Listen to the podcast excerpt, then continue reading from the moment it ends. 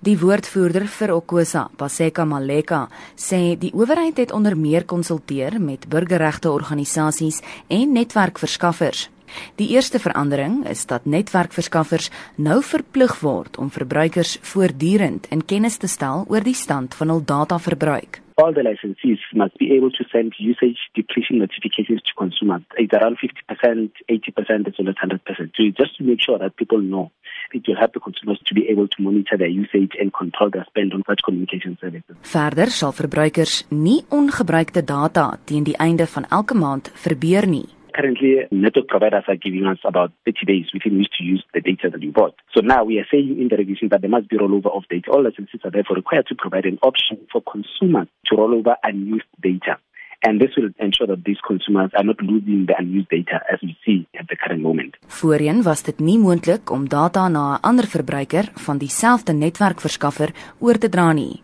Maleka sê daardie opsie sal nou moontlik wees. The network providers or the licensees must be able to provide an option for consumers to transfer the data that they are not using to other users but on the same network. Hy sê verbruikers sal ook nie meer onderworpe wees aan outomatiese buitedata bondelpryse nie the licensees must be able to inform or get permission from a consumer to say, can we now charge you the out of bundle rate because are no, you are no longer in bundle. The data has been depleted, it's finished.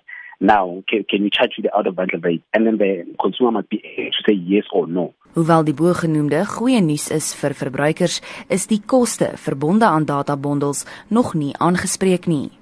Maleka sê dit kan later in Junie vanjaar verwag word. In terms of the other projects that are still coming, we have a, a project called the priority markets. What we're doing there, we are uh, trying to identify the markets that require regulation. That's when we are going to zoom into the actual cost.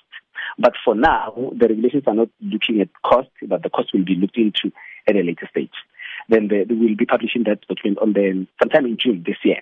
And then after that, then that will be starting with the market review process. But what we can also mention is the fact that ICASA does have the power for price control to come up with regulations to control the price. And that's exactly what we are going to look at in some of the projects that we are going to engage in. Dit was die woordvoerder vir Okosa